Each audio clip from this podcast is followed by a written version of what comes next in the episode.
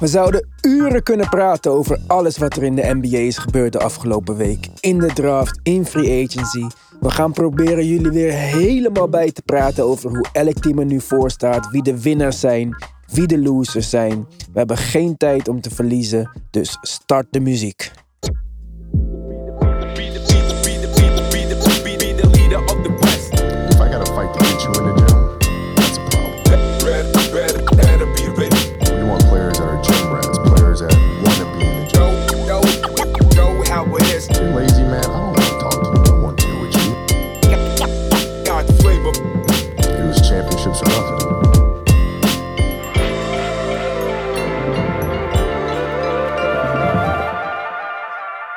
Welkom bij een nieuwe aflevering van de Basketball Podcast. Allereerst bedankt voor alle nieuwe ratings, nieuwe reviews op Apple Podcast. Ik weet dat ik jullie er vaak mee lastig val. Maar als je even tijd hebt, pak je laptop, pak je iPad, pak je iPhone, alles met een i ervoor. Ga naar de podcast app, zoek de Basketball Podcast. Vijf sterren zijn altijd welkom, maar ook een leuke review, een paar korte regels. Eh, wij waarderen het, eh, wij waarderen het enorm. Nick eh, zag het even niet meer zitten in Nederland. Die is hem eh, gesmeerd, zit op Tenerife. Maar maak je geen zorgen, wij zijn eh, de Nuggets niet. Wij maken moves om onze line-up in balans te houden. Je hoeft het niet alleen met mij en Mark te doen vandaag. Karim, welkom in de basketbalpodcast. Yo, yo. Dankjewel. Fijn dat ik mee mag doen. Even kort, stel jezelf aan de mensen thuis voor. Waar begon het met de basketballiefde? Eh, Twintig jaar geleden, eh, finals Spurs Knicks. eh werden gewonnen door de Spurs natuurlijk. Maar ja, dat was de eerste keer dat ik de bal zag rollen. En dat ik dacht van, ah, dit is, dit is echt, echt nice. Maar toen werd ik al heel snel verliefd op ja, dat monsterfiguur Shaq. En de Lakers wat erbij kwam. En twintig jaar later nog steeds trouwe fan. In diepe dalen en hoge pieken. Dus, dus in tegenstelling tot mij, die toen in dat jaar fan is geworden van de Knicks en twintig tragische jaren heb beleefd, heb jij je schatje snel in de steek gelaten en ben je naar een nieuwe, nieuwe relatie overgestapt die aanzienlijk veel succesvoller eh, is. Absoluut. Nou goed, ik had nog een optie. hè. Ik was eigenlijk voor de Spurs eh, in die series. Dus ja, die heeft het ook Ah. goed gedaan de afgelopen jaren. Gewoon, de Knicks waren helemaal geen optie voor jou. Absoluut ik zie het niet. al, wij Nee, hebben nee, een hele nee. andere smaak. Ik Alleen ze, ik pluk ze van de straat, jij bent wat kieskeuriger, dat is heel goed. Nou jongens, we hebben een hoop te bespreken, dus laten we maar snel beginnen met het volgende. Vraag van de week. Ja, we hadden een vraag op onze Insta-story. Welk team heeft de beste moves gemaakt? Veel mensen hebben gereageerd. Er waren eigenlijk drie duidelijke winnaars. In ieder geval voor onze Instagram-followers. Om te beginnen met jouw team, Karim. De Lakers. Ze treden voor Dennis Schreuder. Ze signen Wesley Matthews. Ze re-signen KCP. En ze gebruikten hun mid-level exception om Montrezl Harrell te stelen van de Clippers. En niet alleen dat ze deze mensen erbij hebben gekregen. Ze hebben Delaan uitgestuurd, Dwight Howard en Danny Green. Misschien de slechtste spelers van de afgelopen finals. Ja, ik kan me niet anders voorstellen dan dat jouw humeur eh, de laatste dagen eh, heel zonnig is. Eh, prima, het kampioenschap is niet eens zo lang geleden. Dus moet je nagaan. Dit is, het is alleen maar goed. Geef ze de nieuwe chip. Ja, ik, ik denk ook dat het echt. ja, ik, ik kan niet anders zeggen dan. Ja, het kan gewoon eigenlijk bijna niet beter. Mark, onze lokale Thunder-fan. Lakers krijgen Dennis Schreuder voor een 2020 pick die Jaden McDaniels is geworden. En Danny Green, de meest over de hill speler in de NBA. Ja, Dennis Schreuder was eh, aardig goed vorig jaar, hè? Oh, echt eh, misschien wel zelfs een van de best belangrijkste spelers in de playoffs voor OKC. Hij was, er was niks dat hem bang maakte. Hij heeft ook zelfs in, in Atlanta was hij een van de beste spelers in het team. Dus hij kan wel een team leiden. Misschien niet naar de playoffs in zijn eentje. Maar bij LeBron en bij de Lakers krijgen ze een jonge speler die bij hun in de toekomst kunnen blij, kan blijven. Hij is pas 26 of 27. Dus je hebt een aantal jaren met hem waar je kan groeien met AD. Hij is goed in lob, lob, lobpasen. Hij kan redelijk goed pasen en die soort dingen. En hij is een extra scorer en ballhandler. Iets dat heel belangrijk is met de, de departure van Rondo en een aantal andere spelers. Ik denk eh top move van Rob Pelinka. Ja, een eh, GM als eh, weer een agent die GM is geworden. Dus blijkbaar de toekomst is. Ja, Pelinka inderdaad. Kampioenschap gebracht bij de Lakers. Bob Myers bij de Warriors. Leon Rose eh, over twee jaar bij de Knicks. Maar inderdaad, een playmaker van de bank of een starter. We gaan het zien. Om Danny Green te vervangen tekenen ze nog Wesley Matthews. Die naar mijn mening misschien net zo goed is. En misschien nog wel beter schoot vorig seizoen. Alleen maar 3,6 miljoen kost in plaats van 15 miljoen. Ze resignen KCP, die, is, die heel belangrijk voor ze was in de, in de finals en ook in, eigenlijk in de hele playoffs voor drie jaar 40 miljoen. Ook een prima deal. En dan ja, het stelen van Montrez Harrell. Het zijn niet meer de Los Angeles Lakers. Kareem, Clutchport, Lakers. Ze hebben wel echt eh, iedereen eh, bij elkaar gebracht zo, hè? Ja, het is een, eh, het is een Players League. Dus dan kan je dit, ook, dit soort dingen ook verwachten. Mensen zoeken elkaar op.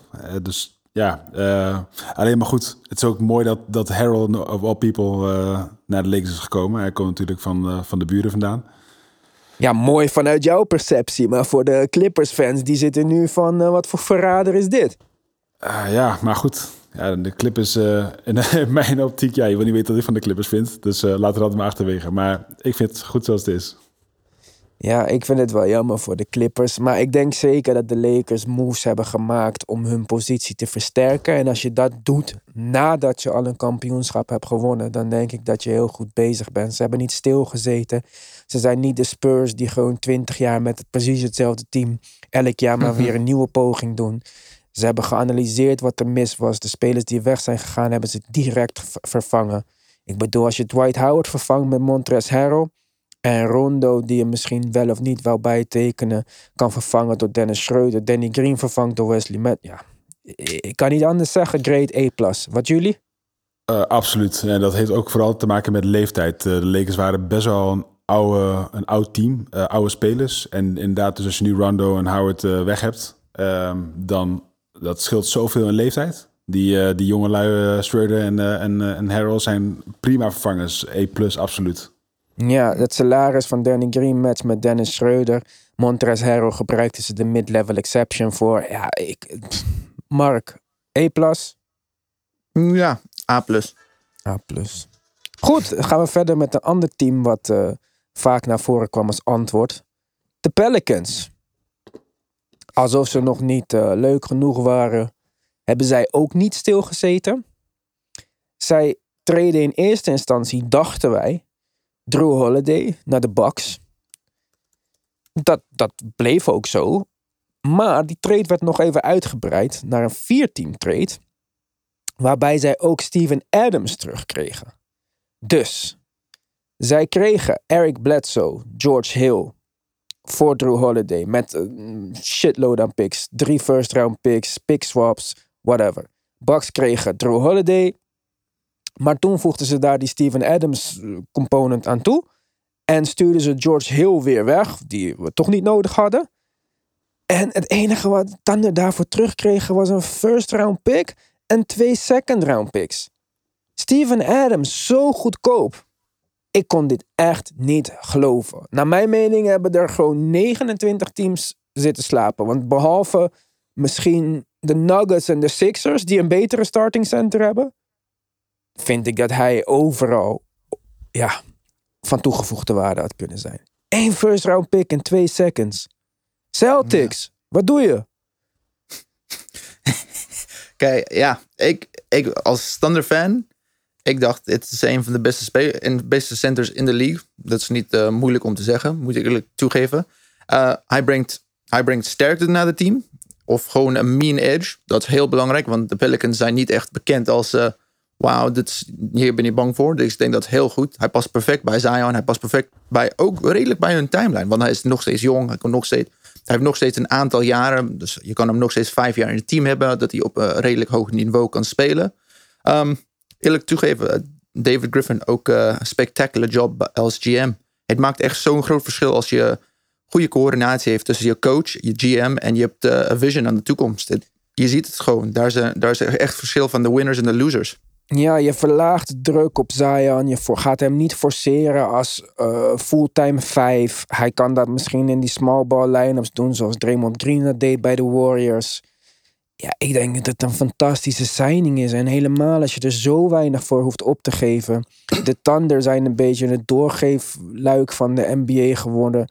Die hebben meer verschillende gezichten gezien dan een eh, gemiddelde dame op de wallen de afgelopen week. Maar eh, ja, jongens. Steven Adams, locker room guy, Kareem.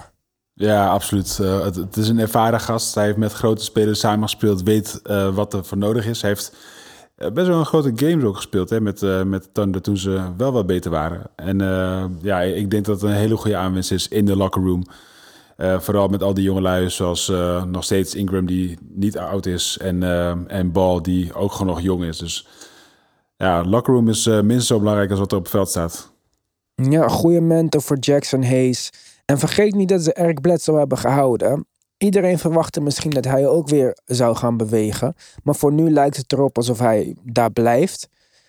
Zou je misschien denken, Eric Bledsoe, dat is toch die guy die zo teleurstelt elk jaar in de playoffs. Dat klopt, hij is wat teleurgesteld de afgelopen twee jaar voor de Bucks. Maar goed, het was ook een lastig systeem. Hè. Je verwacht van Eric Bledsoe dat hij opeens een of andere Chris Paul playmaker wordt. Maar dat is hij nooit geweest. Twee jaar geleden was hij nog All-NBA of All-Defense First Team. Eh, hij is een snelle guard, goede verdediger. Kan overbal spelen. Naast Lonzo, die misschien... Lonzo is een 6'6 point guard. Met een, een 6'9 wingspan, als ik me niet vergis. Lonzo kan twee's verdedigen. Eric Bledsoe kan de snelle eens verdedigen. Heb je nog J.J. Redick van de bank. Nikhil Alexander Walker van de bank. George Hart van de bank. Je hebt Brandon Ingram, ze die gaan resignen. Restricted free agents. Ze kunnen alles matchen wat ze krijgen. Zion is daar. Steven Adams. Jackson Hayes. Met Stan Van Gundy mogelijk een van de beste defensive line-ups in de NBA. Ja, want als we het eh, hebben over eh, niet alleen spelers, maar ook coaches, dan is eh Stephen Gundy... Het is wel echt wel tof dat die gast weer terug is in de NBA. Hoor. Het was een beetje een weirdo af en toe, maar ook echt, echt een goede coach. En een goede coach voor jonge mensen. En een goede coach als de Pelicans gaan winnen. Want als ze het seizoen starten met vijf verloren wedstrijden. Dan wordt hij opeens die dikke oude man eh, die aan de zijkant staat te schreeuwen. Maar als alles goed gaat, dan kan hij ze echt opzwepen. En ik vind het, eh, ik vind het leuk. Het is een goed, eh, in potentie een goed defensive team. Met een paar van de beste fast break spelers die we misschien eh, kunnen gaan zien aankomend seizoen. Lonzo Ball twijfelt geen seconde om de bal vooruit te pasen. We willen allemaal Zion zien rennen en Alley-oop zien afmaken. In de half-court gaan we Brandon Ingram zien in de pick-and-roll met Steven Adams. Steven Adams, een van de beste screeners in de NBA. Voor mij is dit weer een E+. Ja, ik denk dat, het, eh, dat de Pelicans sowieso een goede playoff push gaan maken. Ik denk dat het ook wel heel leuk is om te zien hoe ze gaan spelen inderdaad. Wat je net ook zegt, eh, die transition game, is, daar geloof ik in dat ze dat ook heel goed kunnen. Ehm, ja, ik denk dat het eh, zeker wel een, een E-grade kan krijgen van mij. Ja, die plas geef jij alleen aan, de- aan je home teams natuurlijk. Ja, niet vanwege, de, niet vanwege mijn, mijn Lakers, om het zo maar te zeggen. Maar ja, het, het is nog even wat te bezien. Het valt nog even wat te bezien of, of ze iets gaan doen. Eh, het is wel een beetje een door-die seizoen voor, eh voor New Orleans, denk ik. Hoezo? Ze zijn toch jong? Ze zijn upcoming? eh, Dus ja, goed. Maar goed, Ingram die, die speelt ook al een paar jaar. En eh Ball die mag nu ook al wat laten zien. Ja, En- voor hem is het wel een... Is het, want voor Bal is het ook sowieso een extension jaar. Zeker. Hij heeft die potentie. Ik geloof persoonlijk nog steeds in hem. Maar we moeten nu wel gaan zien wat hij is. Wordt Ja, hij... zeker. Maar, maar Ingram was ook een All-Star snap dit jaar. Was hij All-Star of was hij All-Star snap? Weet ik even niet zeker. Nee, hij heeft All-Star. Hij was All-Star, All-Star, ja. Ja, precies. Ja, Ja, in- maar. Dan ben, je, dan ben je All-Star. Nou, dan moet je je team echt wel wat verder kunnen brengen dan nummer 10 in de Western Conference. Zeg dat tegen Devin Booker en Trae Young. Precies. Die zijn al... eh, Trae Young was All-Star starter en laatste in de NBA. Eh, ja, oké. We gaan verder met een ander team. En dat zijn de Suns. Ja, kijk, ik vond de Suns vorig jaar in de bubble al heel leuk. Daaruit is mijn weddenschap met Nick ontstaan. Nick zegt dat de Pelicans boven de Suns gaan eindigen. Of de, of de playoffs wel gaan halen en de Suns niet. Ik zei de Suns gaan sowieso de playoffs halen. Volgens mij was dat de weddenschap. Ik weet het zelf niet eens meer. Maar in ieder geval, ja, het begon deze week allemaal met de Suns. Zij maakten een trade voor Chris Paul. Met de Thunder stuurde Kelly Oubre, Ricky Rubio, Ty Jerome, Jalen LeCue een Suns 2022 first round pick. Eh, heel erg protected voor eh, weet ik veel hoeveel jaar. Na de Thunder kregen daar Chris Paul en Abdal nader neder voor terug. Ze draften Jalen Smith, een power forward. Een beetje vervanging misschien voor Baines, die wat te duur zal worden voor hun. En ze zijn Jay Crowder. Opeens is de starting line-up van de Suns Chris Paul, Devin Booker, mm, ja, Mikael Bridges, Cameron Johnson of Jay Crowder en DeAndre Ayton. Ik zeg eh, leuk. Het is een eh, eh, goede line-up. En wat je ervoor op, hebt moeten ge- op moest geven, valt ook wel mee. Ik denk dat Chris Paul zeker een upgrade is over Ricky Rubio. Ricky Rubio vind ik ook een goede speler, hè, daar niet van. Maar zoals Paul vorig jaar heeft gespeeld, zelfs als hij wat naar beneden gaat de komende jaren, wat we ja, toch een soort van moeten verwachten, denk ik, op zijn leeftijd. Denk ik dat hij nog steeds een upgrade is. Hij is een betere playmaker, hij is een betere scorer, hij is een betere midrange eh, shooter, hij is een betere catch-and-shoot schutter. Ja, Devin Booker hoeft minder te doen wat goed is. Want hij komt juist beter tot zijn recht als hij wat meer over de bal kan spelen. En wat meer om screens heen kan rennen. Eten zal omhoog gaan. Crowder is weer zo'n locker room guy die die jonge jongens wat eh, professionaliteit kan meegeven. Ik, eh, ik denk dat ze het heel goed hebben gedaan. Monty Williams ook herenigd hè, met Chris Paul. Kennen elkaar nog van de New Orleans Hornets. Een team wat inmiddels eh, niet meer bestaat. Ja, jongens, ik vind dat ze het heel goed gedaan hebben. Ik ben er nog steeds van overtuigd dat ik mijn weddenschap ga winnen. Ah, dat weet ik niet zeker. Net twijfelde je nog aan de Pelicans en nou geloof je niet in mijn Suns? Ja, ik geef de Suns ook een minder grade dan de Pelicans. Ja, ik, Ja, welke grade zou jij de Suns geven? ik geef de Suns een eh, B+. B+. Mark? Pelicans kregen een A. Eh, ik denk B+, maar ik denk nogmaals dat die Suns eh, be- zal presteren. Omdat je kijkt, Chris Paul is eh, nu hoeveel jaren in de playoffs geweest. Eh, hij is een leider. Devin Booker is een soep, heeft de kans om een superster te worden. en New Orleans Pelicans hebben, ze hebben gewoon nog te veel dingen die moeten goed gaan om echt goed te presteren. Er zijn te veel what-ifs. Deze, de team van de Suns die we nu voor, voor me, die ik nu voor elkaar zie, of dat ik nu zie, dat heeft structuur, organisatie, een hele goede coach. Die weet hoe het systeem gaat uitspelen. En ik denk eh, voor die reden gaan ze in de playoffs. Ja, los van, mijn, los van mijn weddenschap gun ik ze allebei het beste. Ik zou de Suns een A- geven, puur omdat ze zo weinig hebben opgegeven om hun team toch, naar mijn mening, aanzienlijk veel beter te maken. We gaan het zien. Ik ga ze zeker kijken op League Pass. Ik vind dit twee echte League Pass teams voor de, voor de echte fans die leuk basketbal willen zien. Gaan we snel verder. Dit is het NBA-nieuws van deze week. Ja, we hadden ook nog gewoon een draft deze week. Het is misschien allemaal eh, een beetje verloren gegaan in het eh, trade en free agency eh, geweld. Ik had daar bijna de hele top 5 goed voorspeld, jongens. Hey, Lekker. als enige. Wie had die mock draft? Niemand had in zijn mock draft 4 van de 5 goed. Alleen Killian Hayes viel buiten de top 5. Die ging naar nummer 7 naar de Pistons. We gaan de top 3 even doorlopen. Om te beginnen met de Minnesota Timberwolves. Die draften met de nummer 1 pick Anthony Edwards. Een shooting guard. De nieuwe Dwayne Wade. Zegt hij zelf. Eh, niet alleen eh, draften ze een shooting guard. Ze resigneden ook hun backup shooting guard. Malik Beasley, 4 jaar 60 miljoen. En ze maakten een trade voor Ricky Rubio. Kregen daar ook nog Leandro Bomaro bij. Jaden McDaniels. Daarvoor opgaven ze James Johnson. En Alexei Pokusevski, die naar de Thunder gaat. Longtime Thunder eh, eh, vriendje. Ik weet niet hoe ik Ja. het moet zeggen. Eh, de Knicks werden ook nog betrokken om het eh, allemaal werkend te maken. Maar dat was niet zo belangrijk. We kijken nu naar de starting line-ups op papier. Van Ricky Rubio, D'Angelo Russell, Anthony Edwards, Juancho Hernan Gomez en Carl Anthony Towns. Ik zei net bij de Pelicans een van de beste defensive line-ups op papier. Ik durf hier wel over te zeggen. De slechtste defensive line-up in de NBA van het aankomend seizoen. Jongens, Eh, Wat zijn ze aan het tweede doen, slechtste, hè? Tweede slechtste. wie is de allerslechtste? De Thunder. We weten niet eens Oh ja, de Thunder. Ja, de Thunder hebben niemand. Ja, dat klopt. En de Knicks komen ook aardig in de buurt.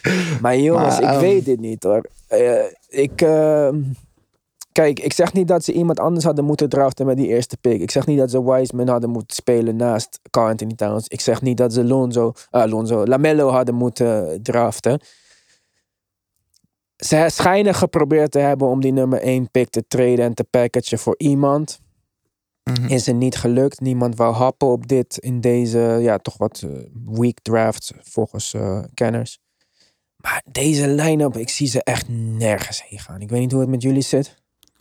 Eh, nee, tenzij Towns in één keer eh, het op de heupen krijgt en besluit goed te gaan spelen. Maar, En verdedigen. en verdedigen. Ja, ja het, is, het is zonde bijna. Ik bedoel, Towns is echt een goede speler. Ehm, hij wordt gewoon niet goed gebruikt. In potentie inderdaad. Ehm, ja, ik zie ze nergens heen gaan. Ik kan er niks eh, meer over zeggen eigenlijk. Mark, kan jij er een positieve twist aan geven? Ehm, eh, niet heel positief, maar daar is wel positiviteit hier. In het feit dat Malik Beasley, 60 miljoen, vijf- 60 miljoen contract voor vier jaar. Dat is wel een tradable contract als hij wat betere verdediger worden. En hij is wel een redelijk goede driepuntschutter. Dus daar is wel een trade asset voor hun. Ricky Rubio heeft eh, een beetje backup. Zie je Malik Beasley nog weer doorgetraind worden? Bij, misschien bij de trade deadline naar een contender of zo die wat scoring van de bank nodig heeft? Denk je dat ze hem daarom geresigned hebben? Eh, ik denk het wel. En ik, eerlijk gezegd, hij is 3D mogelijke spelers. Ik zeg niet dat hij die deel van zijn, eh, van zijn rol heeft. Maar het feit is dat iemand die kan nog ontwikkelen. Hij is nog redelijk jong. Dat moeten we niet vergeten. Hij is 23. Nog veel tijd. En ook, het, ik denk dat Anthony Edwards is eh, eh, niet ineens de oplossing. Dus daarom denk ik dat ze hebben Ricky Rubio getekend. En dat ze een speler die best goed bij Towns past. Ze gaan up tempo spelen. Ik zie het niet heel slecht, maar ehm, ik snap niet echt de route dat ze nemen naar contender worden. Ze worden wat beter nu in het, in, ineens, maar ze worden niet de contender. Dus eh, jammer voor de Timberwolves weer. Oké. Ja, ik... ehm, voor mij is dit ehm, incomplete. Ik weet niet waar ze heen gaan. Ik, eh, ik heb geen Precies. grade voor dit. eh. dus eh, ja, ze doen maar wat, denk ik. ja, ik zie het echt niet eh, gebeuren dat er iets eh, van komt. Gaan we gewoon lekker verder met het volgende team. Nummer 3 pick. Of nummer 2 pick. Roos. Gaan we weer heel snel. Voor de Warriors. James Wiseman. Dezelfde dag dat Clay zijn Achilles scheurt. Ja, wat moet je dan doen als Warriors zijn? Veel mensen noemden van ja, eh, probeer een wing te krijgen als vervanging voor Clay. Ik denk niet dat je die moet zoeken in de draft. Zij hebben in de draft iemand gekozen die een positie kan vervullen in hun starting line-up. James Wiseman. Hè, zie hem als een JaVale McGee met een Tim Duncan upside. Maar in ieder geval voor nu een JaVale McGee die je onder contract hebt voor de komende vier jaar. Kan daar in de starting line-up sliden. En eh rim protection bieden. Kan eh, rennen naar de rim in pick and rolls. Ik denk dat ze dat oké gedaan hebben. Het was niet een van mijn favoriete spelers. Om, Clay Thompson, om het Clay Thompson verlies een beetje op te vangen, hebben ze hun Iguodala trade exception gebruikt om eh, Kelly Oubre te signen voor een top 20 protected 2021 first round pick. Ze hebben Brad Wanamaker gesigned als Steph Curry Insurance. Ze hadden natuurlijk Andrew Wiggins, die eh, zich eh, dit jaar gaat ontwikkelen tot die 3D guy, waar we allemaal al jaren op hopen. Dan hebben ze dus Kelly Oubre, Draymond Green is daar, Pascal is daar. Ze hebben James Wiseman, ze hebben Marquise Chris, Kevin Looney. Ja, tragisch van Clay, jongens. Ik, ik had echt gehoopt dat, eh, dat de Warriors dit jaar terug waren en het eh, spannend zouden gaan maken in het Westen. Maar naar omstandigheden denk ik dat ze alles eraan gedaan hebben wat ze konden. Ze hebben die trade exception gebruikt. Dat gaat ze onwijs veel geld kosten in de luxury eh, tax. Die aanwinst van Kelly Oubre. Je zou denken, is het toch maar 15 miljoen. Maar die 15 miljoen met alle taxregels en alle dingen die ze moeten gaan betalen, komt neer op bijna een verdubbeling van de luxury tax. Dus Kelly Oubre kost hun niet 15, maar 68 miljoen uiteindelijk. Da- Ja. Alleen om competitive te blijven. En ik kan dat wel waarderen. In tegenstelling tot bijvoorbeeld de Rockets, die Tilman Fertitta, die gewoon niet eens bereid is om een euro te betalen of een dollar boven de luxury tax line. Ik denk dat ze hebben gedaan wat ze konden. Ik zeg niet eh, dat ze zijn waar ze hadden moeten zijn met Clay Thompson. Maar ja, jongens, eh Oubre voor niks. Niet slecht, toch?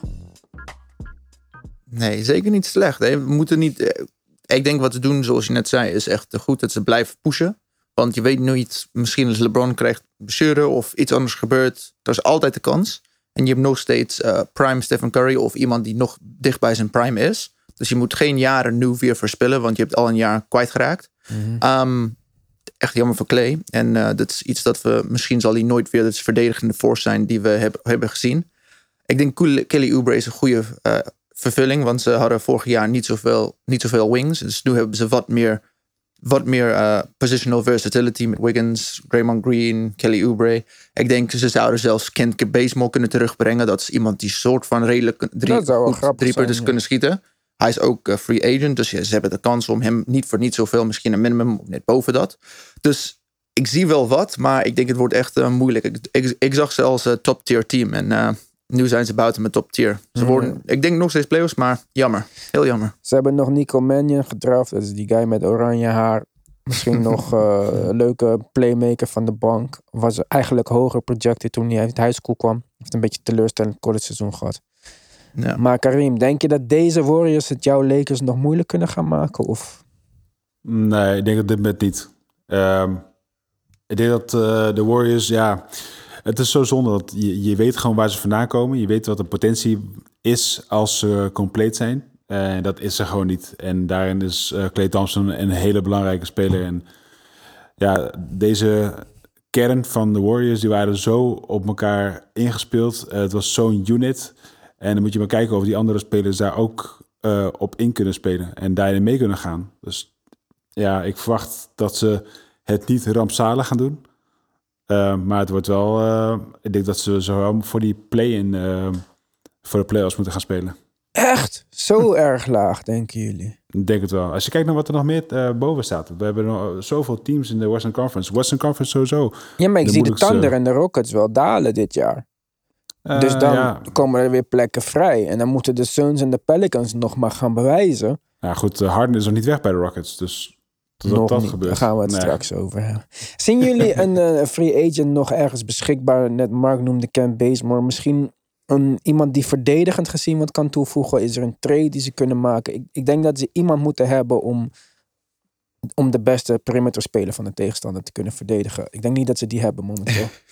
Nee. Als je kijkt naar die lijst met eh, free agents, dan ja, eh Ken Bazemore inderdaad. Als je kijkt naar een guard. of Langston Ga- Galloway van, van de Pistons. Maar ja, het zijn, het het zijn geen lock-ups eh, aan de defensive end. Nee. Ja, ja Andre Roberson voor verdediging. Nou ja, ik vind dat niet zo gek. Ik weet niet hoe, hoe zijn lateral movement is na al die blessures. Ik zag hem Mhm. opeens drie punten schieten, dus dat is positief. Ik weet niet wat hij moet kosten. Is hij nog onder contract voor zijn free agent? Hij is een free agent momenteel. Niet dat er wat uitmaakt, want bij de tanden kan je iedereen krijgen voor eh, een kopje Ja. koffie en een second round pick. Precies. Maar goed, we gaan het zien dus. Ik, ik gok zo wat hoger in. Ik vind, ja, Clay Thompson kunnen we niet als move beschouwen. Dan vind ik de rest van de moves die ze hebben gemaakt heel goed. En Ja, eh, dan zou ik zeggen een eh, E- voor wat ze hebben gedaan. Niet voor waar ze zijn. Ja, daar sluit ik mee aan. 1 minus. Ja, sluit we bij aan. Goed, gaan we verder met de nummer drie in deze draft. Lamello Ball. Niet alleen eh, Lamello gaan we zien bij de Hornets volgend jaar. Aan de zijlijn zullen we hopelijk ook zijn vader LeVar gaan zien. LeVar die ooit gezegd heeft dat hij één op één Michael Jordan kan verslaan. Die matchup zou ik graag zien. Ik zou ervoor betalen zelfs. Zet ze in een eh, ring in dat Mike Tyson, Roy George Jr. gevecht of zo. En laat ze gewoon eh, één tegen één spelen. Ja, jongens. ehm, Lamello persoonlijke goedkeuring gekregen van MJ. Ik, eh, ik denk dat ze dat ook één gedaan hebben. Ik vond Killian Hayes misschien een betere point guard in deze draft. Mhm. Ik vond Patrick Williams goed. Maar het is niet alsof eh, de Hornets echt hoeven kiezen tussen posities. Want op elke positie kan het wel beter. Daarbij komt dat zij eh, Gordon Hayward hebben gesigned. Gordon Hayward, iedereen dacht 34 miljoen. Dat is een player optie die je niet gaat wijzigen. Als je kijkt naar een DeRozan of zo. Die zelfs een 26 miljoen niet durft te annuleren. Maar ja, hij deed het wel. En hij signed bij de Hornets voor 4 jaar 120 miljoen. Ik zag dit niet aankomen. Mark, jij zei tegen mij dat Terry Rozier misschien in de sign trade de andere kant op gaat. Dat zou goed uitkomen, anders moeten ze Batum stretchen, wat ze nog eens 9 miljoen per jaar kost. Wat Hayward dus een 40 miljoen speler zou maken. Voor iemand die de afgelopen drie jaar, nou, ik weet het niet, uit mijn hoofd zeg ik 40 wedstrijden in totaal heeft gespeeld of zo. Het is, eh, het, is, het is risky. Ik denk dat het ook een locker room move is. Het is een veteraan, het is een echte professional. Iemand met een goede attitude. Die misschien een iets stabielere ja, basis kan eh, maken daar bij de Hornets voor die jonge guys. Lamello is daar. Als Rozier weggaat, heb je Lamello en Devante Graham in de backcourt. Misschien Malik Monk die blijft. Met Hayward en dan Miles Bridges, PJ Washington. Ze hebben geen center. Of je moet Cody Zeller of Nick Richards, die ik niet eens zou herkennen als ik hem op straat tegenkom. eh, goed genoeg vinden om te starten. Ja, ze hadden bijna jouw eh, Six Man of the Year gehad, Karim. Ze hebben Montrez Harrell een groot contract aangeboden. Die heeft gekozen voor de Lakers. Begrijpelijk. Maar eh, wat denken we van de Hornets, jongens? Nou, ik denk dat de Hornets best wel een eh, leuk team kunnen worden. Eh, juist ook met een jonge, jonge speler als Lamello Ball.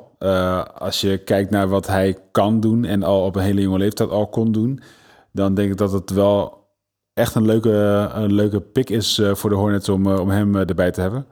Ehm, ja, even terugkomend op, op Hayward. Ja, die, die heeft natuurlijk zijn beste jaren in Utah gehad. Gaat vervolgens naar Boston, waar het in één keer helemaal misgaat qua blessures en dat soort dingen allemaal.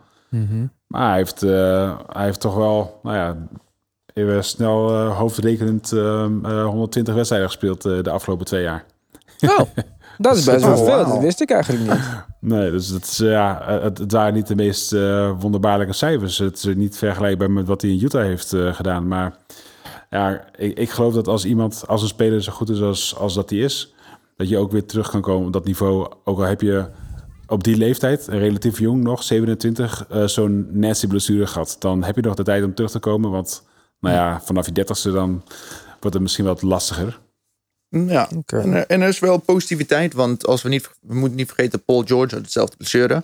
En Ja. pas drie jaar later was hij echt gewoon weer op zijn topniveau. Dat was toen zijn eh, Als MVP. je hem eh, vindt. zijn, hij was wel derde in de MVP-race. hè. Dus eh, dan moeten we, niet, we moeten die niet vergeten. Dus dat is wel iets en dat is wel recent. En eh, kijk, het is iets eh, heel handig. Als je kijkt naar zijn PR en efficiency stats, was hij echt een van de top. Met Stephen Curry, LeBron en die soort dingen. Dus misschien denken, denkt Charlotte dat als eh, minuten hoog zijn zijn eh, usage, dan gaat die ook omhoog. Dus dan als je in hun visie zou denken, dan lijkt het echt een goede signing. Ja, mooie calculaties allemaal. Overigens hebben de Hornets hem al eerder geprobeerd in te lijven. Toen hij nog bij de Jazz was, hebben ze hem een offersheet gegeven. Hebben de Jazz toen gematcht.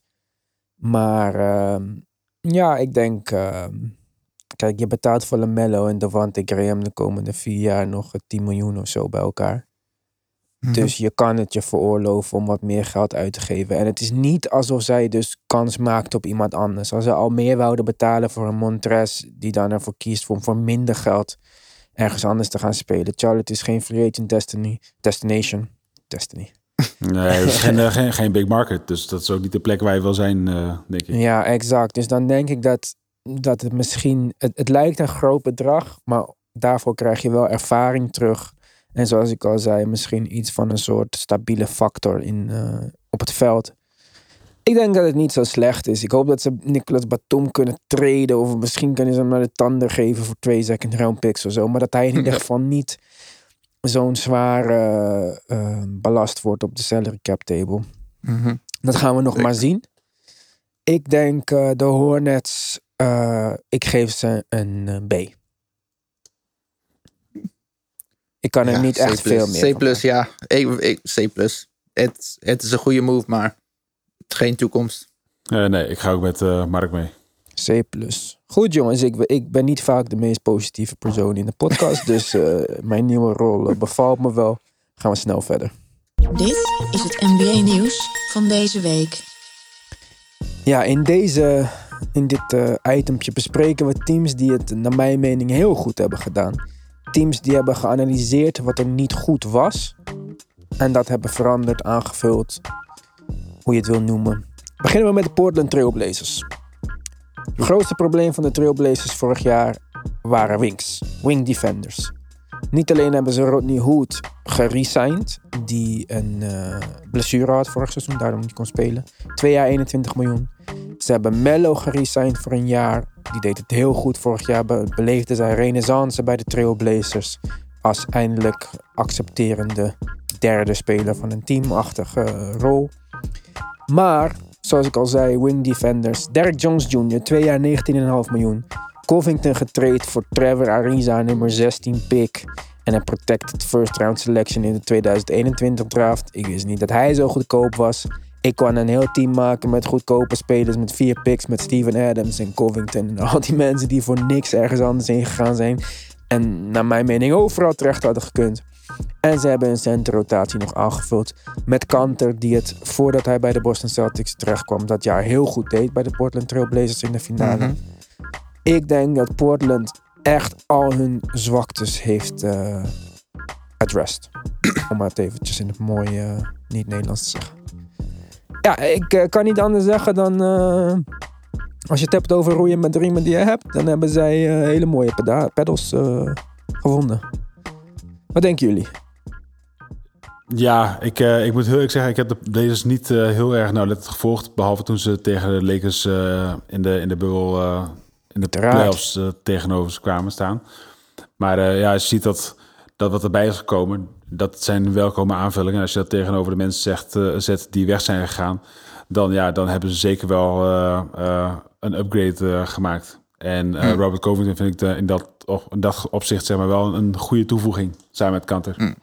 Ja, en eh, ik, gewoon om te zeggen, Rodney Hood, hij was voor zijn blessure was hij bijna 50% van de drie aan het schieten hè, bij, bij spot-ups. Dat is echt abnormaal goed. Als je dat van hem kan krijgen na zo'n slechte blessure. Dus verdedigend zal hij niet meer zo goed zijn. Dus dat moeten we niet verwachten. Maar Derek Jones Jr. op zo'n eh, jonge leeftijd, goede contract. Hij kan, hij kan Zoveel zoveel dingen. Hij kan zoveel. Ja, precies. Wat je net zei. Het is echt. eh, dan heb je Carmelo. Gewoon het feit is, als je Derek Jones Jr. gaat ook leren van Carmelo. Dat is ook echt eh, iets dat je nergens zouden kunnen vinden. Je hebt Nurkic die echt gewoon nu echt wat Terug is, ja. wat, ja, hij is nu echt terug. Hij heeft wat wedstrijden gespeeld op hoog niveau. Best veel minuten. Je zag, daar is echt ruimte voor verbetering van hem na zo'n slecht blessure. En Dame heeft nu weer wat tijd om te herstellen. CJ ook met zijn rug.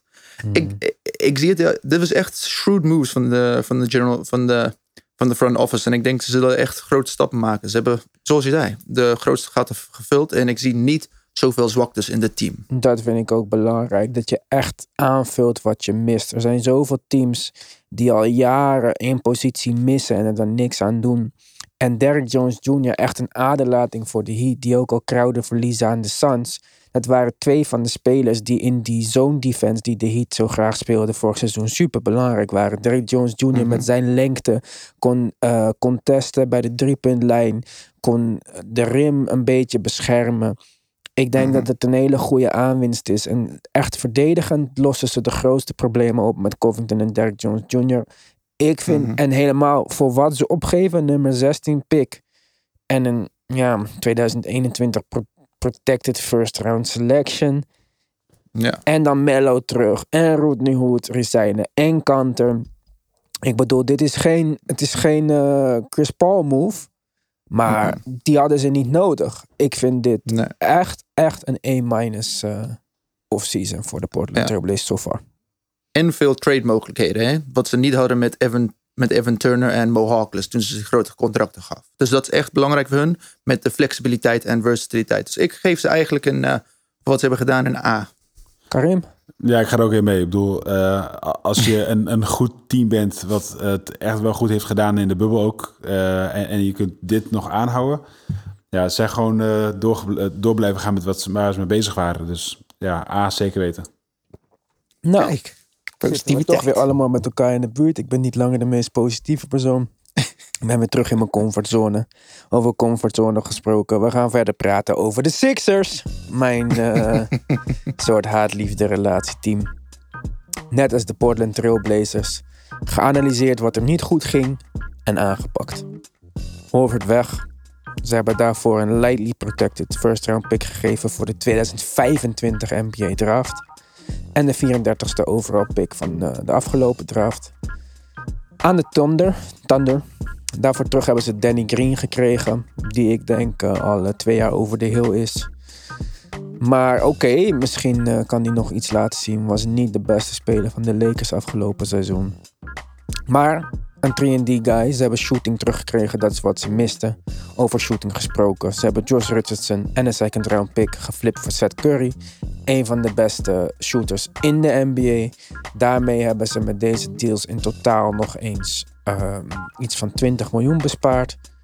Draften ze nog Tyrese Maxey, een point guard playmaker. Die ook was projected als een lottery pick.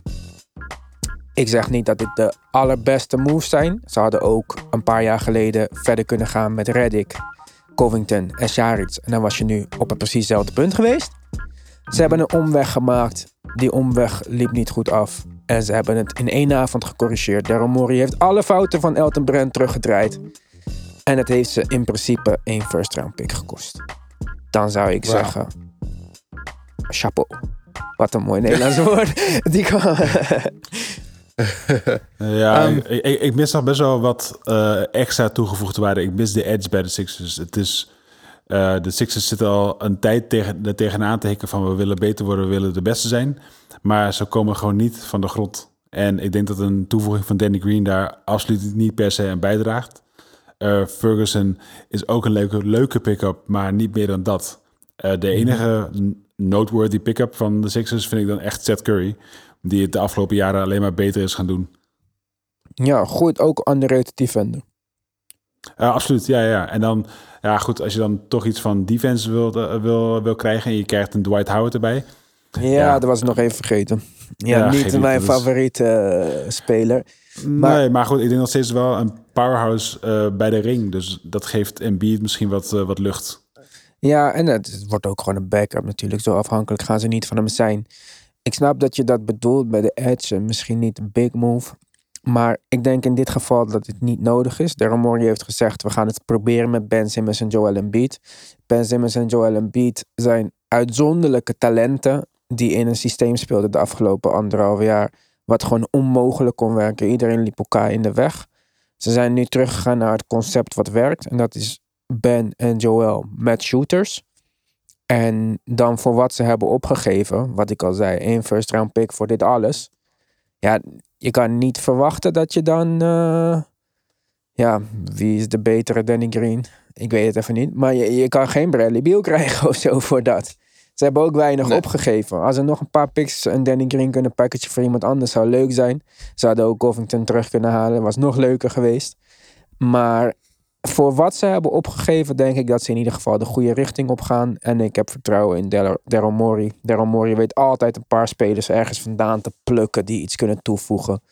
Dus ehm, ja, ik, eh, ik ben blij met de moves die ze hebben gemaakt. Ik denk dat het in ieder geval beter gaat werken. En ik geloof eh, nog steeds in Ben en Joel. Ik zou zeggen Mhm. B+. Eh, ja, dat sluit ik aan. Karim. Ik geef hem gewoon lekker de B. B. Goed, ik ben weer on top met positiviteit. Gaan we verder met Atlanta. Waarom zit Atlanta in deze categorie, zou je denken? Omdat Atlanta een playoff push wil maken. En Ja, ik, terecht. ja, terecht. Oké. Aan de andere kant kan je ook zeggen: Trae Young is een tweedejaars speler. Doe maar kalm aan. Het heeft Devin Booker bijvoorbeeld veel meer jaren gekocht voor de- gekost voordat ze in die positie kwamen. Maar ze hebben vorig seizoen nog getraind voor Capella. Dat is een goede rim protector, goede pick-and-roll speler. Dit jaar hebben ze Deadmon weggedaan. Die hebben ze naar de Pistons gestuurd, waar we het straks nog over gaan hebben. Ze hebben Rondo gesigned, twee jaar 15 miljoen. En alsof ze nog niet genoeg point guards hadden, hebben ze ook Chris Dunn twee jaar 10 miljoen gegeven. Maar ze hebben ook Gallinari gesigned. Die deed vorig jaar uitstekend bij de Thunder. Stretch voor, of drie, ja, ik weet niet hoe je hem wil zien. Drie jaar 61,5 miljoen. Tony Snell als backup. Ze hebben nog, eh hoe heet die? Cam Reddish, DeAndre Hunter. John Collins. Ik weet niet wat ze daarmee dan eh, precies willen doen. Maar in principe, als je het mij vraagt en je zegt... Nou, ik, ik zou denk ik Rondo starten met Trae Young. Omdat ik denk dat Trae Young ook offbal kan spelen een beetje. En ik zou Mhm. liever Rondo starten dan Kevin Rector. Of hoe je het ook mag uitspreken. Dan DeAndre Hunter met Gallinari en Capella. Eastern Conference Playoffs moet lukken, denk ik.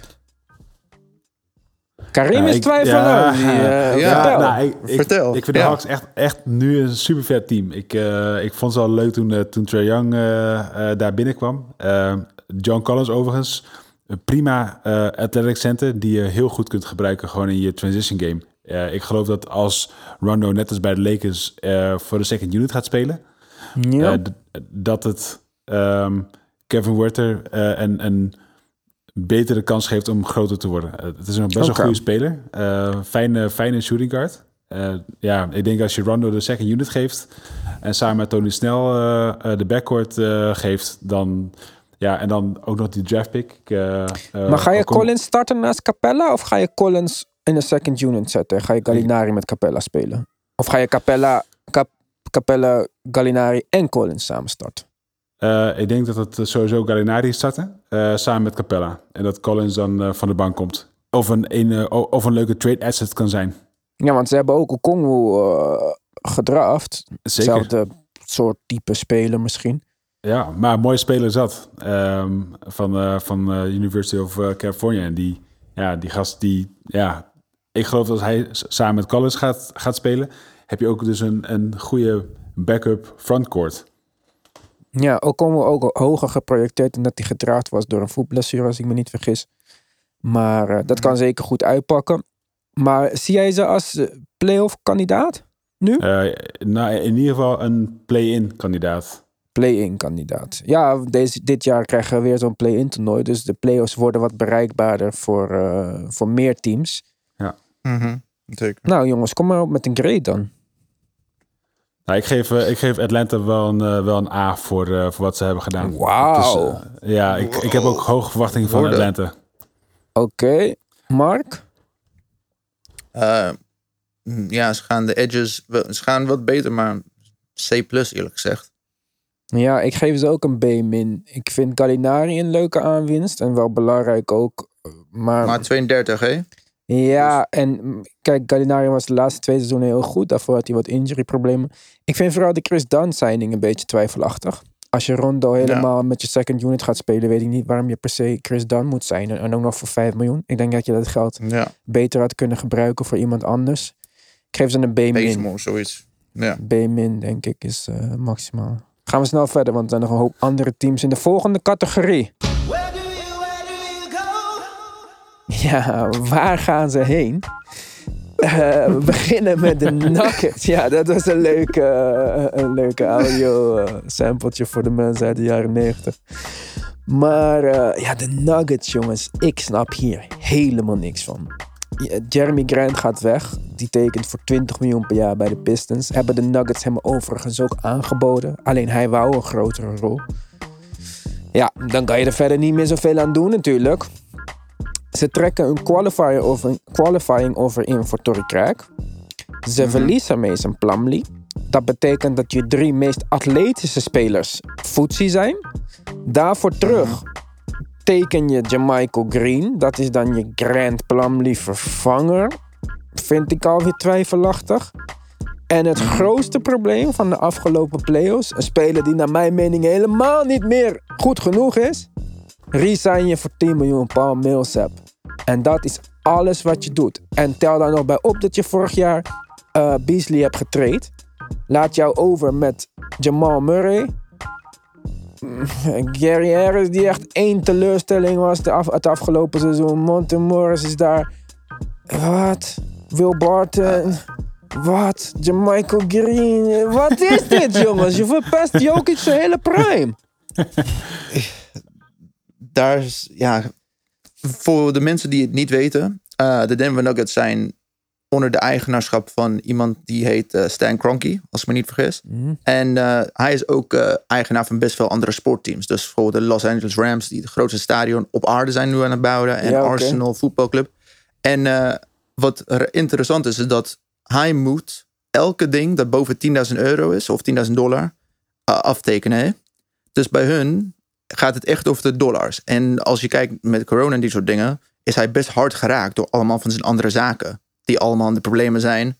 Dus hier moet je echt gewoon opletten aan, aan de kant dat hij kan niet, hij wil echt niet boven de luxury tax of in de luxury tax gaan. Dus ze gaan alles doen. Ze gaan, ja, we hebben bol bol. Hij, hij gaat ontwikkelen, die soort dingen. Dus ze gaan daarom, denk ik, dat ze hebben niet zoveel moves gedaan. En ik vind het heel jammer, want ze zaten echt op plek. Of in, eh, in een moment waar ze echt konden pushen, doorduwen en misschien in de finale zouden kunnen komen. Ja, want dan Dus, eh, fuck die. Millsap signing. En Ja. eh, fuck die Michael Green. En speel dan maar Porter voor 35 minuten per wedstrijd. En zijn een goede 3D small forward of zo. Of een... Precies. Jezus, ik snap hier echt helemaal niks van.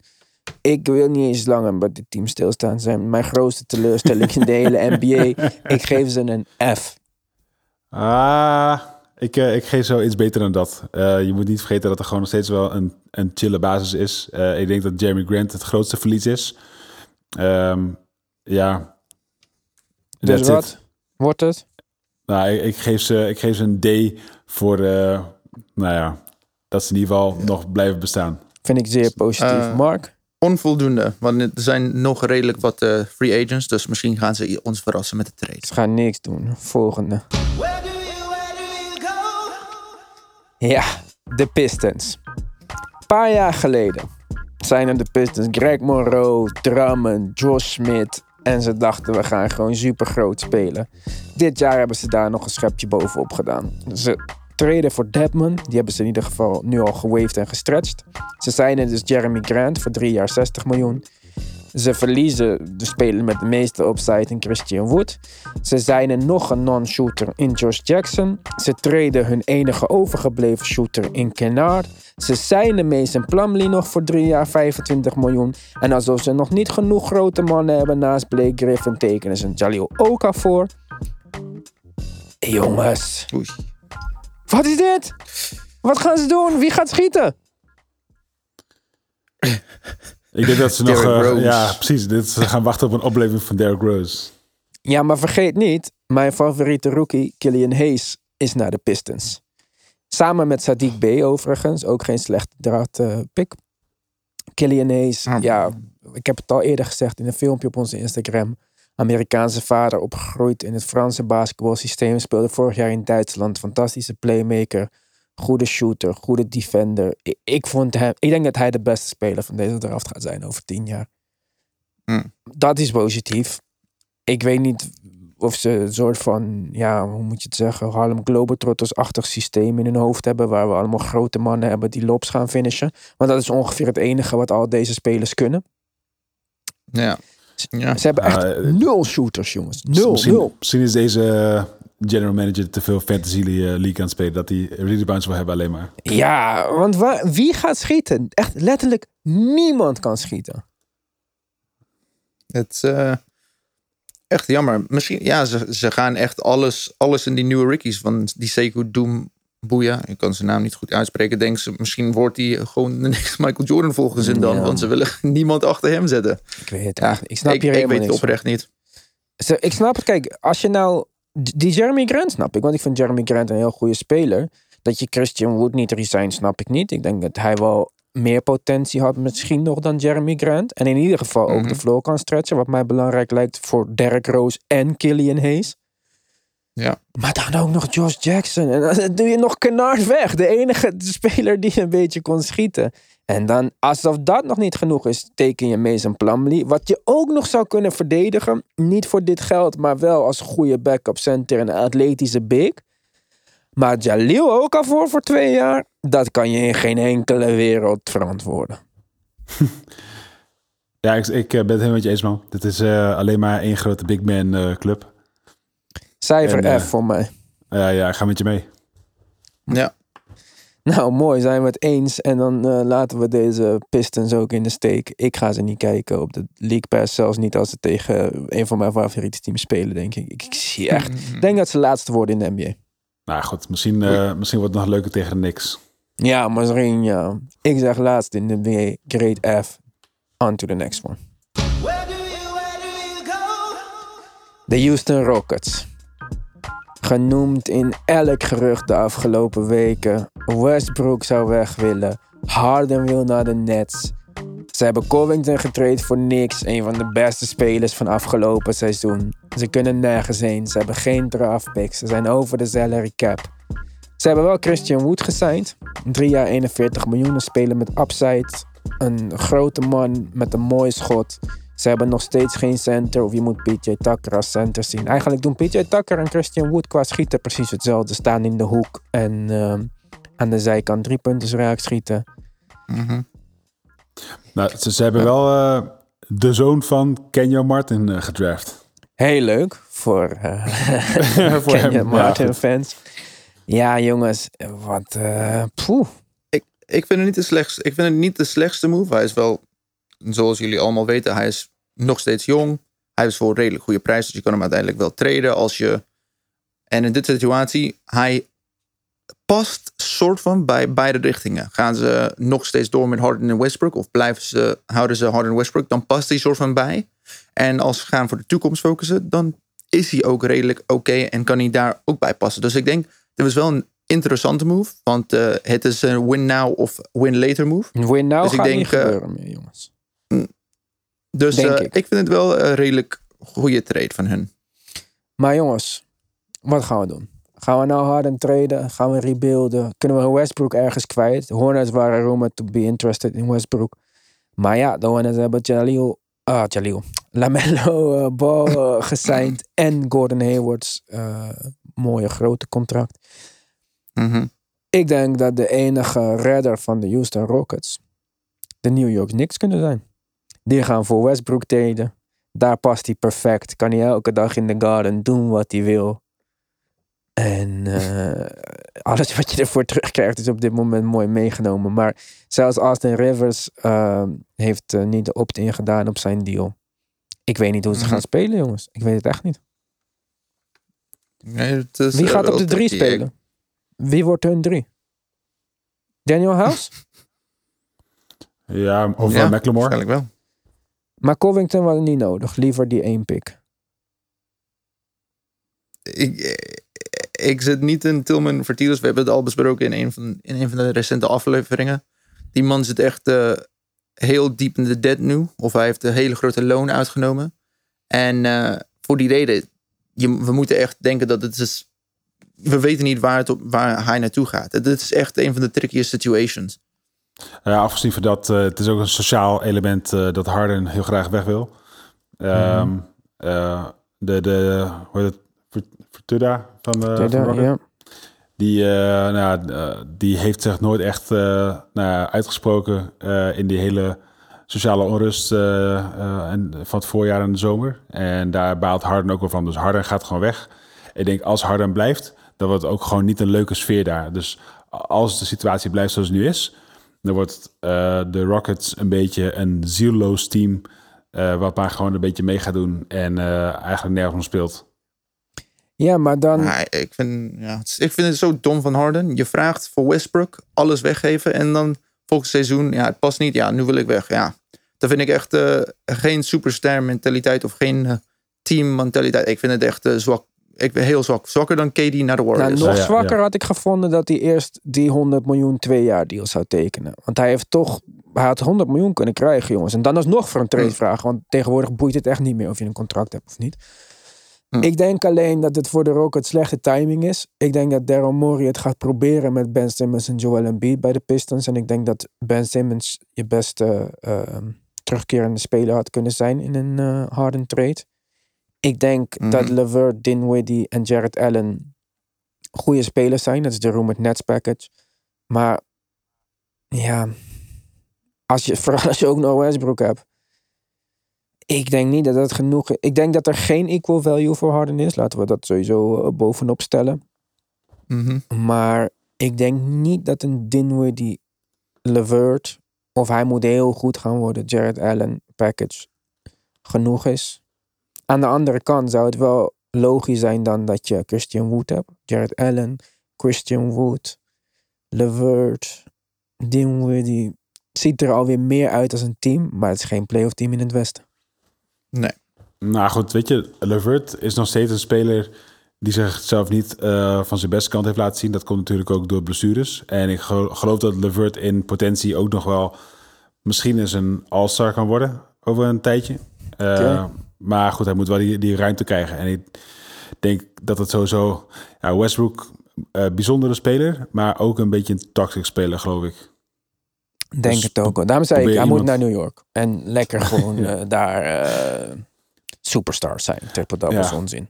Toxic Westbrook in, bij de Toxic Knicks. Mm, Ja, precies. Wat zullen we voor cijfer geven aan de Rockets, jongens? Nou, ze krijgt mij een onvoldoende op dit moment. Ja, voor mij. Geen cijfer. Ja, voor hangt, mij vanaf wat, hangt vanaf wat eh, Harden of Westbrook gaat gebeuren. Dan weten we het echt. Ja, een incomplete dus. Nou goed, jongens. Nog even snel. Dit is het NBA-nieuws van deze week. Ja, we gaan een keuze maken. Clippers Celtics. Clippers tekenen Ibaka. Dat is hun big man. Celtics tekenen Tristan Thompson. Allebei mid-level exception. Allebei hadden een big man nodig. Celtics verloren Kanter. Clippers verloren Montres. Ja, de backup bigs. Vergelijkbare situaties. Aangevuld met reboundende, verdedigende centers. Power forward centers. Wie heeft het beter gedaan? Clippers of Celtics? Mark. Ik weet al wat we gaan zeggen, maar toch geef ik jou de beurt. Eh, ik moet, ja, aan de, aan de Celtics. Zo voorspelbaar. Vertel. ja. Tristan Thompson, kampioen, moeten we niet vergeten. Eh, hij heeft Zeker, best heel eh, veel, hem, ja. Hij heeft heel veel championship ervaring. Hij begint wel zijn range uit te breiden. Ik zeg niet dat hij eh Ibaka's niveau is, maar hij begint het wel uit te breiden. Eh, dit is een man die de bal niet de hele tijd hoeft te hebben. Hij is een hele goede offensive rebounder. Iets dat de Celtics bijna niet kon doen vorig jaar. Ik denk die second chances. En ik denk hij past perfect. Hij kan... Hij kan wel screens zetten alley-oops. en zo. Ja, ik, ik denk het is gewoon een hele, hele shrewd move. Heel simpele. En het was precies wat we nodig hadden. Ibaka was wel leuk, maar hij is veel ouder. En ik denk, ja, met de verlies van Gordon Hayward had je nooit iemand op hetzelfde niveau kunnen vervangen met een the exception. Dus applaus aan Danny Ainge voor wat is gebeurd. Dat ze Ah, dat hebben geen gedaan. Zo weinig gedaan. Dan blij zijn. Ja, dat was, het was de makkelijkste move. Ja, oké, leuk. Maar wie gaat starten? Thijs of Tristan Thompson? Tristan Thompson. Oké. Goed, Ha- eh, Hakim wou ik zeggen. Dat is de andere Egyptische gast die wij hebben gehad in de, in de podcast. Karim. Ja, ik, eh, ik geef toch het voordeel aan de Clippers. ja, want Ehm, Mark vergeet eventjes de championship ervaring van Ibaka. Die net zoveel championships heeft als eh, Tristan Thompson. Maar goed. Fair enough. Ja. Ja. goed, weet je, Ibaka is natuurlijk ook teamgenoot van, eh, van Kawhi geweest eh, in Toronto. Dat Dus, vind ik een eh, interessant punt. Want waar Kawhi vorig jaar werd genoemd als een speler die mogelijk niet de beste teamspeler zou zijn. Of goed voor de lockerroom en zo. Trekt hij toch een van zijn oude teamgenoten aan. Ja, maar het was ook wel, wel bekend dat eh, de relatie tussen Ibaka en eh Leonard prima was. Dus dan zou dat nog wel de log- meest logische optie zijn. Ehm, Ja, maar in ieder geval geen hard feelings. Dat vind ik al positief, Nee, ja, zeg maar. Zeker, ja, absoluut. Maar ja, uiteindelijk eh, gaan ze ervoor om kampioenschap te winnen. En eh, ik denk eh, dat de, nou ja, de, de signing van Ibaka wel een goede vervanger is voor, eh, voor Harrell. Dus eh, in die zin eh, hebben de Clippers het niet helemaal slecht gedaan. Betere floor spacer ook.